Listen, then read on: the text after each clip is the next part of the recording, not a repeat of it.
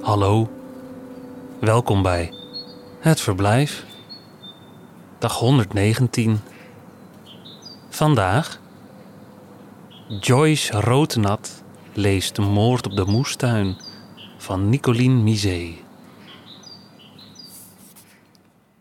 De hele geschiedenis begon toen mijn zuster en zwager een pan soep kwamen brengen. Twee maanden daarvoor was ik getrouwd. Dat had mijn familie en vrienden zeer verbaasd, want ik was al halverwege de veertig en ik was nooit eerder getrouwd geweest. Thijs was veertien jaar ouder dan ik en hoewel hij er gezond uitzag, kreeg hij drie dagen na de bruiloft een hartaanval en moest hij een operatie ondergaan waarbij ze zijn borst openzaagden en een ader uit zijn been haalden om deltawerken rond het hart aan te leggen, waarna ze de hele boel weer dichtnaaiden. De wonde heelde slecht en hij moest lang in het ziekenhuis blijven. Al die tijd zat ik alleen in het grote huis.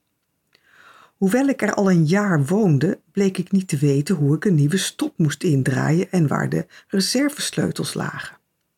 Ik had het vreselijk koud, wat ik weet aan mijn zorgen. Later bleek dat de verwarming al die tijd had uitgestaan.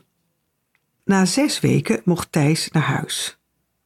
Daar zat hij hele dagen roerloos in een stoel. Zijn kleren slobberden om hem heen. Ook zijn gezicht leek hem te wijd geworden en hing in wallen en plooien naar beneden. Tussen de stoppels had hij een vuile wond in zijn mondhoek waar een te strak zuurstofslangetje gezeten had. Als ik hem wat vroeg, keek hij me alleen maar aan, zonder te antwoorden. Ik kon niet weg, maar bezoek wilde hij ook niet. Zo nu en dan belde ik mijn zuster, fluisterend vanuit de keuken. Alsof de duvel ermee speelde, waren de buren aan het verbouwen geslagen op de dag dat Thijs thuis kwam. De nieuwe buurman van nummer 18 had het aangelegd met de buurvrouw van nummer 20 en ze hadden besloten een doorgang tussen hun huizen te laten maken, als mollen in de lente. Ook voor- en achtergevel werden uitgebroken, evenals enkele tussenvertrekken. Vijf Tsjechen waren van ochtends vroeg tot zes uur s avonds met helse machines bezig muren en vloeren te verpulveren, waarna ze de brokken van twee hoog uit het raam kieperden in een grote laadbak die voor het huis stond. Soms was het even stil, dan stonden ze in de tuin te roken. Elke avond kwamen mijn zuster en zwager voorrijden met een pannetje eten omdat Thijs geen bezoek wilde, liet mijn zwager de motor draaien en bleef hij achter het stuur zitten terwijl mijn zuster me haastig de pan aanreikte. En dan reden ze weer weg. Die vrijdagavond ging het echter anders. Ook mijn zwager stapte uit en sloeg het portier achter zich dicht. Cora duwde me met haar elleboog opzij en wrong zich langs me heen naar de keuken. Het lawaai aan de andere kant van de muur was oorverdovend. Ik zag dat ze de pan met een klap op het fornuis zette, maar hoorde het niet.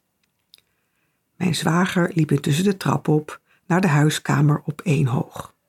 Ik holde achter hem aan, gevolgd door mijn zuster. Boven zat Thijs in zijn stoel. Hij opende zijn mond, maar als hij al iets zei, was het niet te verstaan. Cora liet zich op de bank zakken en maakte een gebaar van boze machteloosheid.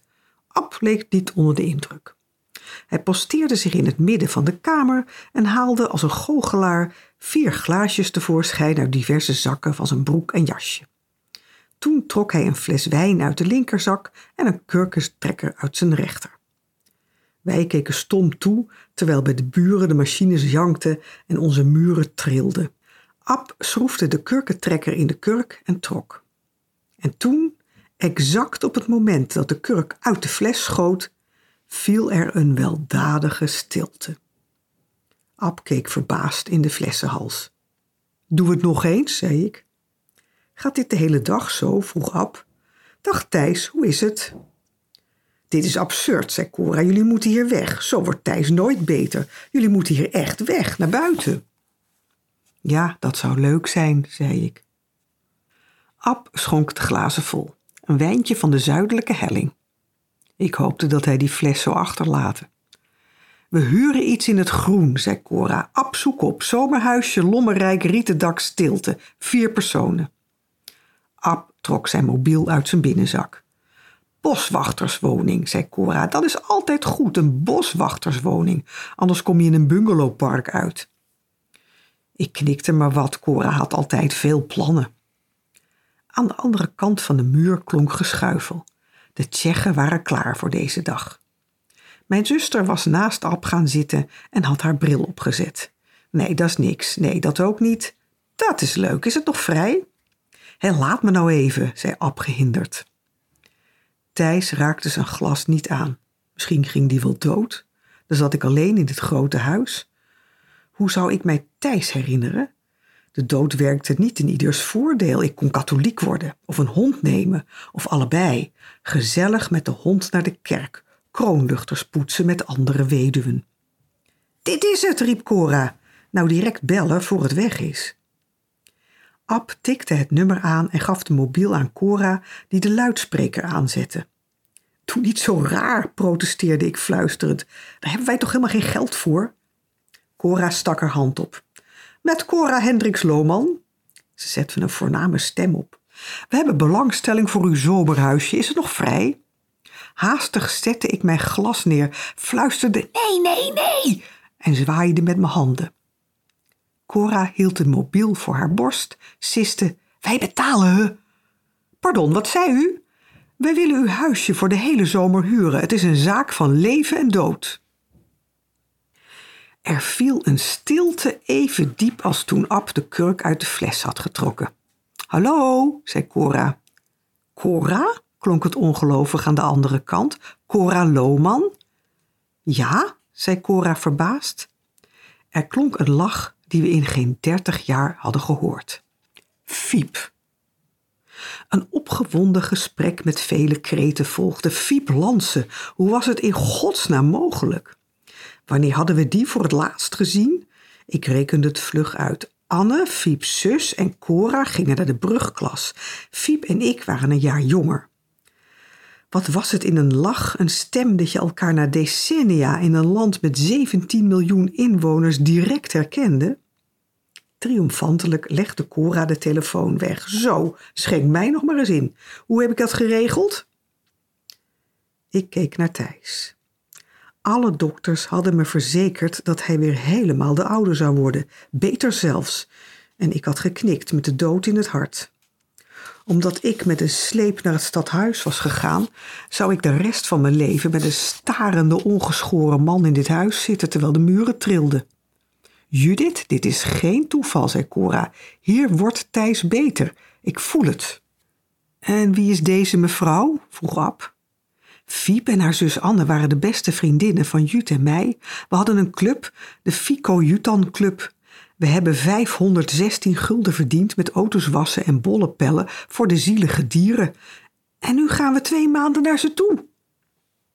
Maar hoe moet het dan met de tuin? vroeg ik. Dat postzegeltuintje van jou, riep Cora vol minachting. Ik stond op en pakte voorzichtig Thijs' hand. Wat vind jij ervan? vroeg ik. Mag ik je eraan herinneren dat ik maar drie weken vakantie heb? hoorde ik Ab achter me zeggen. Je rijdt gewoon heen en weer, zei Cora. Goed, fluisterde Thijs. Het verblijf is een initiatief van Mark van Oostendorp. Redactie: Johan Oosterman, Iris van Erven, Jaap de Jong en Lot Broos. Ik ben Michiel van der Weerthof en wens je een aangenaam verblijf.